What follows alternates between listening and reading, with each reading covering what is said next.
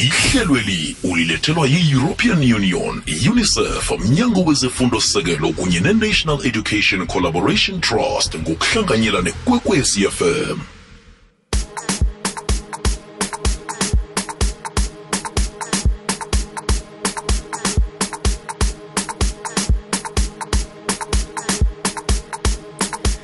ayeye ayeye bangani ngiyanilotshisa bangani bami singena njalo-ke ngaphathi kwehlelo lethu lezefundo ihlelo elilethulwa ngebakwa-european union bomnyango wezefundo osisekelo bakwa khe ngiboneke lapha-ke bomnyango-ke wezefundo osisekelo nabo lapha-ke bakwa-national education collaboration trust ngokubambisana-ke nomhatsho-ke ikwekwezi fm kukhanya ba mina ngingusimphiwe endala bangani bami usimplicity kanti umvezami wehlelo ngulondiwe ngokwamasilela um bese-ke sikhona-ke nanamhlanje utitshere wethu esikhamba naye ngu-alice kwakwabhuda nguye-ke ozosethulela isifundo sethu sanamhlanje. Ngiyathokoza abangani bami ukuthi nisabeke indlebe-ke njalo um ngilothisa kizo zonke indawo mina ngilapha-ke ngejohannesburg ngilothisa kizo zonke indawo kwamhlanga kuya-ke emkopane kuphi nakuphi nge-middleburg ngegarlina kuphi nakuphi la sifika khona-ke simhatho omkhulu ikwekwezi FM kukhanya ba ngizokuba ukuthi-ke ngalesi sikhathi-ke bangani bami um sithule-ke silalele utitshere wethu welanga ozosifundisa kamnandi. Ngithemba ukuthi nizosithabela-ke isicitshana sethu sanamhlanje. Bangani bami asimamukele-ke emoyeni ngalesi sikhathi. Lothani ibizo lami ngingu-alice buda utithere esikolweni samabanga aphasi emzimhlophe siyanamukela esicethaneni sethu esithabisako esisilethelwa yi-european union unicef national education collaboration trust umnyango wefundo sisekelo ngokuhlanganyela nekwekwezi fm esicethaneni sethu sanamhlanje sizokuqala imihlolo yelwazi. Imihlolo yelwazi isitshela bayisinikele indaba eziliqiniso ezenzekako. Akusizo imnolwane imihlolo yelwazi isihlathululela ngokuzeleko ngamaphuzu aliqiniso isinikele nelwazi elingeneleleko ngephasi esiphila kilo. Incwadi esizoyifunda namhlanje isinikela ilwazi elingeneleleko ngeenkutana zesewula afrika emikhakheni ehlukahlukeneko yepilo. Isinikela ilwazi ngabodorhodere abongqondongqondo ekwakheni nekuthuthukiseni zokwelapha. Isinikele ilwazi ngemfundiswa abososayensi abasunguli nabarhubhululi abathole ilwazi elikarisako ngephasi esiphila kilo okufaka hlangana iinsalela zomuntu nanyana zenyamazana amanzi nobujamo bezulu obuthukuthukulukango namhlanje sizokuqala ikutana yethu evela emkhakheni wezokwelapha ingorho yokuhlinza nokufakela ihliziyo. Udorhodere owaduma iphasi lonke udorhodera uchristian barnard. Angikhambi ngedwa kodwana ngikhamba notithere ujabulani mashinini ofundisa esikolweni samabanga aphasi esindile. Sobabili sizobe sifunda ngekutani yethu le udorhodera uchristian barnard. Ngaphambi kobana sithome sifunde ngibawa bona sithome ngokuqala ingaphandle lencwadi yethu ekarisako le incwadi le ibonakala ekarisa tle igege ngombala omhlophe onokusarulana nokuhlaza satshani iveze ubuso benkutani zethu nenthombe zenhlabagelo ebazisebenzisako nabenza imisebenzi yabo le. Hlangana nokhunye sibona isithombe sehliziyo isithombe somthini wokuhlola amalwelwe ekhakhayi namazinyo wengwenya. Mina notithere mashinini sizokufunda ngekutana yinye evela encwadini le. Lokhu sikwenzela bona sikwazi ukufundisa abafundi bethu ukufunda ngendlela ekungiyo. Khumbula ukufundela phezulu kuqakatheke khulu ekwakheni nekuphumeleliseni ikhono labafundi lokufunda nokufundela ukuzwisisa. Njenganje asikhambeni sonke siyokufunda ngekutana yethu le udorhodera ubarnard. Udorhodera uchristian barnard owaziwa kakhulu ngeladorhodera chris ongungorho kwezokwelapha wabelethwa ngonyaka ka-1922 wafundela ukwelapha edyunivesithi yekapa. Wathi ngonyaka ka-1946 wathola iziqu zakhe zokuthoma zobudohotera uthe nakasuka lapho waragela phambili nemfundo zakhe ngaphetsheya kwamalwandle e-amerika e-usa uthe nakaqedako lapho wabuya ekhaya esewula afrika. Wafika wakha ekulu indawo yokwelapha esibhedlela esikhulu igroteskel ngokuhlanganyela nedyunivesithi yekapa. Uthe ngo-1967 wadosa phambili isichema sabodohotera esakhipha ihliziyo yomuntu sayifaka kumunye umuntu. Waphila lowo ofakelwe ihliziyo. Okwaba ngokokuthoma ephasini mazombe ngenkhathezo yayingekho imithini yokugadangisa neyokuthatha iinthombe. Ngikho namhlanje zingekho nje iinthombe ezikhombisa esigemegemeso kodwana waba ngundabamlonyeni iphasi lonke wakhulunywa ngaye. Abantu bangawuvali umlomo ngesenzo esinobuhlangani nesibindi esingaka. Okubuhlungu kukobana umuntu wokuthoma owafakelwa ihliziyo waphila amalanga alithumi nobunane kwaphela wahlongakala ngenxa yokuhlangahlangana kwamasotsha womzimba. Nanyana kunjalo azange kumthuse lokho begodu akhange kumcede amandla udorhotera ubarnard.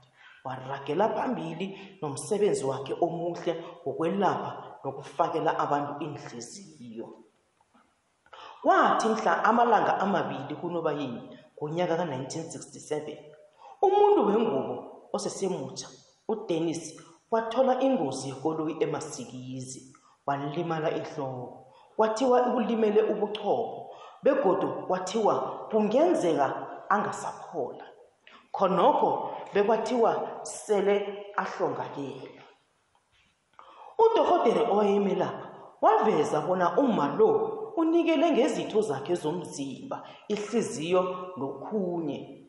Ngeenkhathi lezo kwakungalandelelwa khulu imithetho yokunikela ngezitho zomzimba esewula afrika. Kodwana udorhotera ubarnard akhange akuthathele phasi lokho. Wayelela walandela yonke imithetho efaneleko. Wabiza abofakazi wabiza abososayensi bezokwelapha abasemthethweni. Kwalungiswa indawo yokuhlinza wakhitshwa ihliziyo. Yafakelwa omunye godu umuntu nalapho udorhotera ubarnard wayedosa phambili ngokukhitshwa nokufakelwa kwehliziyo emntwini. Kodwana ngaleso sikhathi waba nevalo kancane ngombana wayethoma ukubona isifuba somuntu esihlezi sibethwa mumoya. Nanyana kunjalo waba nesibindi wajama waragela phambili wadosa phambili sonke isichema sabodorhotera esasilapho umsebenzi lowo wonke wakhamba kuhle nangempumelelo begodu naloyo ofakelwe ihliziyo naye waphila kuhle yonke into yakuhamba kuhle ngefanelo. Okubuhlungu kukobana azikho iinthombe ezathathwako nalapho. Ngikho kungananto ebukelwako ngesigamekeso esikhulu kangaka esenzeka mhlobo.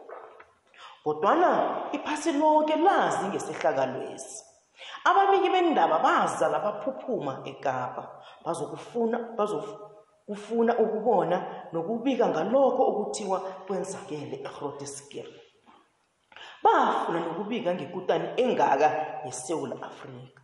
Cabanga nje ukufakela umuntu ihliziyo yomuntu ohlongakeleko bese yena aphile. Lokho kutsho isibindi nobuhlakani obusabekako.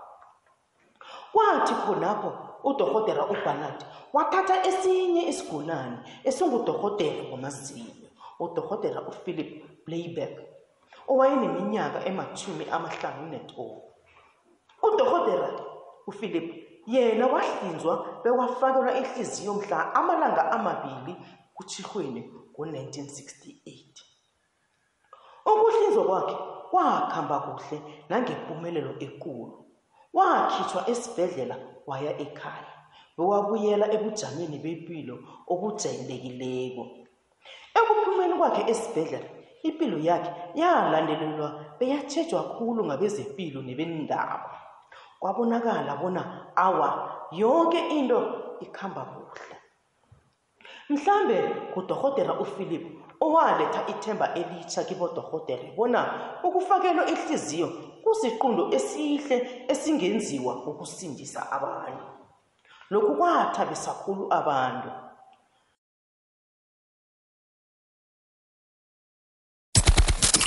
Simphindaphi usimpi nawazi into elula. Emelo ukuya ehenrina. Lalela ngompopo orhatsha ukusukela edouble 94.5 yikwekwezi fm kukhanya ba sihlangene sinabangani zikhulumele. Kanti nokuvela kukadorhotera ubarnard emaphepheni nendabeni kwenza bona aziwe khulu abe ahlonitshwe ngomsebenzi wakhe omuhle. Lokho kwabangela bona ukufakelwa ihliziyo kwenzeke nakamanye amaziko wezempilo ephasini mazombe. Nanyana kunjalo ziningi iintjhijilo ahlangabezana nazo. Wathola ukuhlatshwa ngapha nangapha.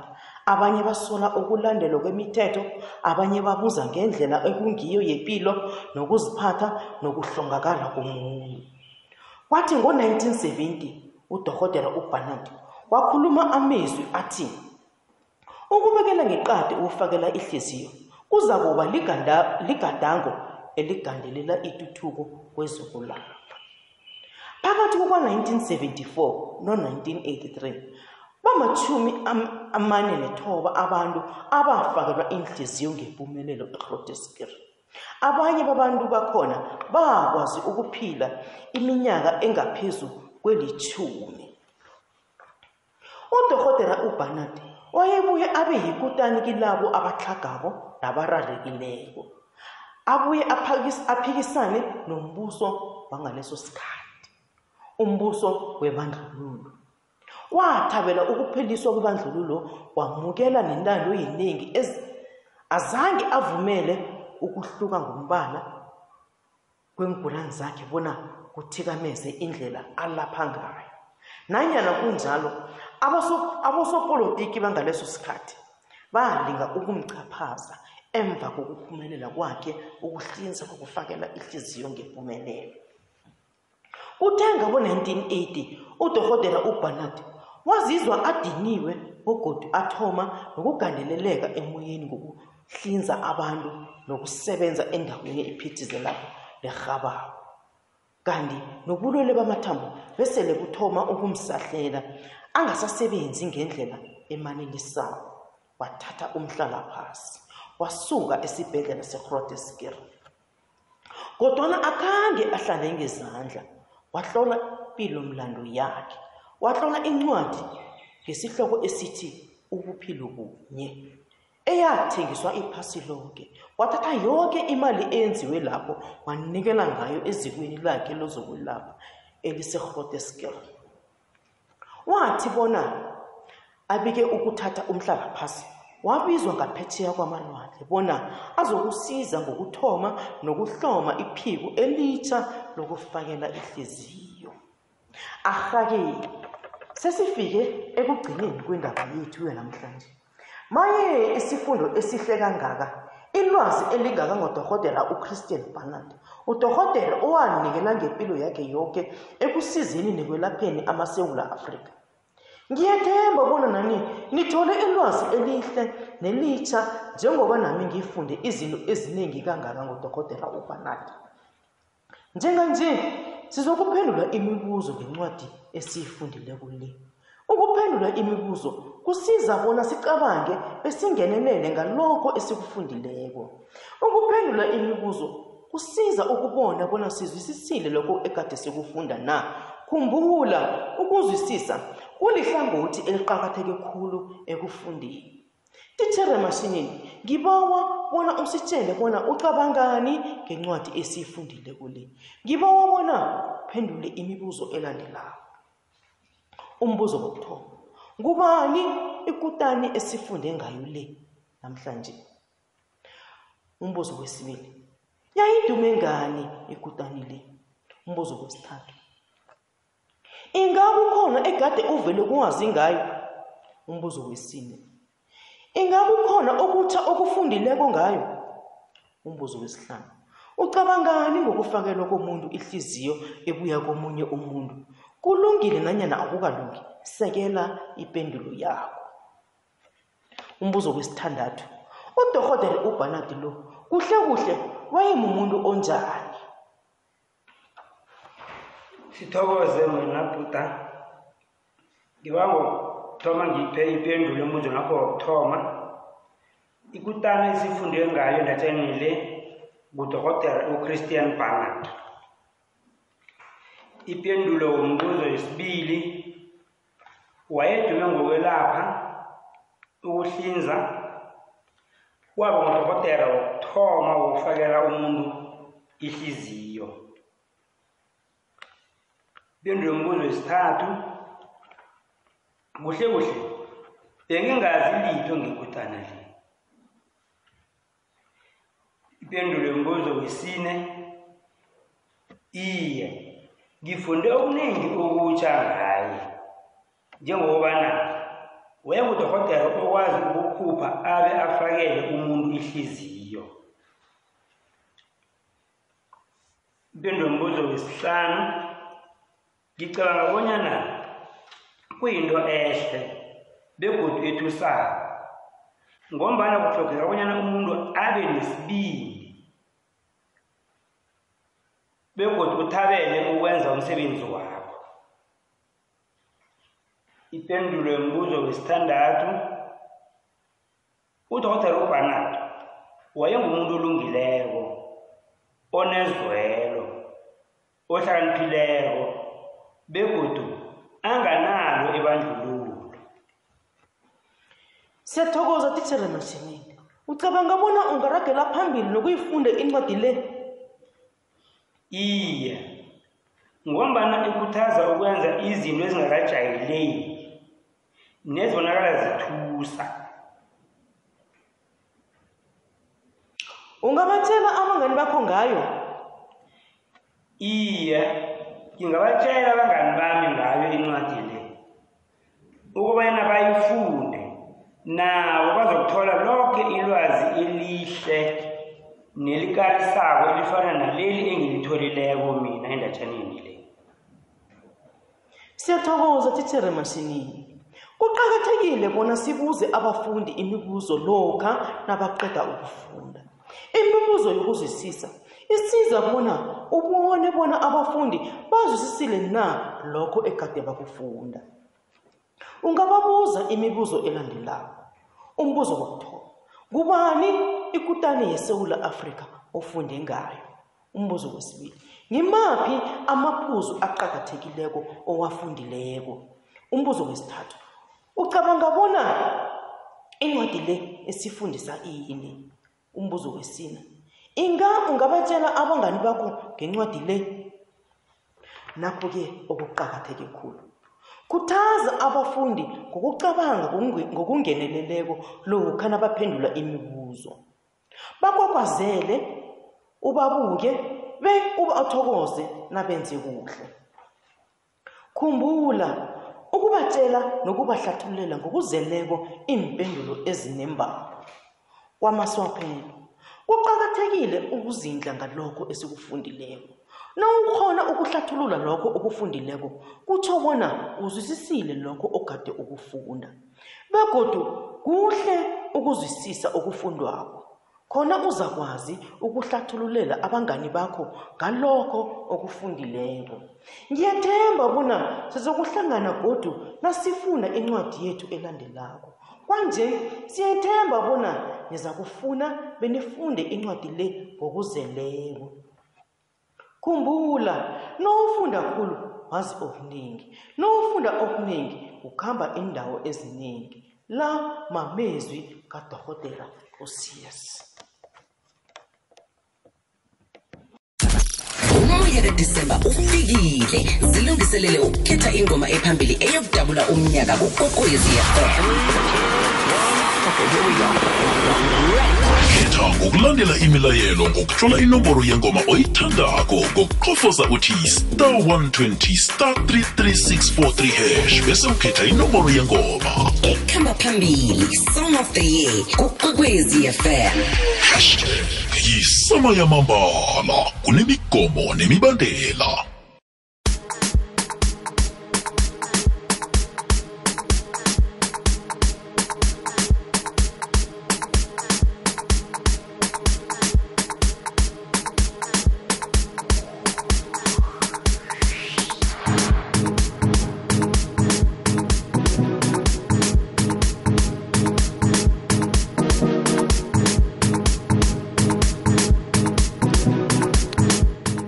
sibuya njalo-ke bangani bami esicitshaneni sethu esimnandi kangaka esisifundelwe ngunabhuda uses elis ngokwabhuda-ke.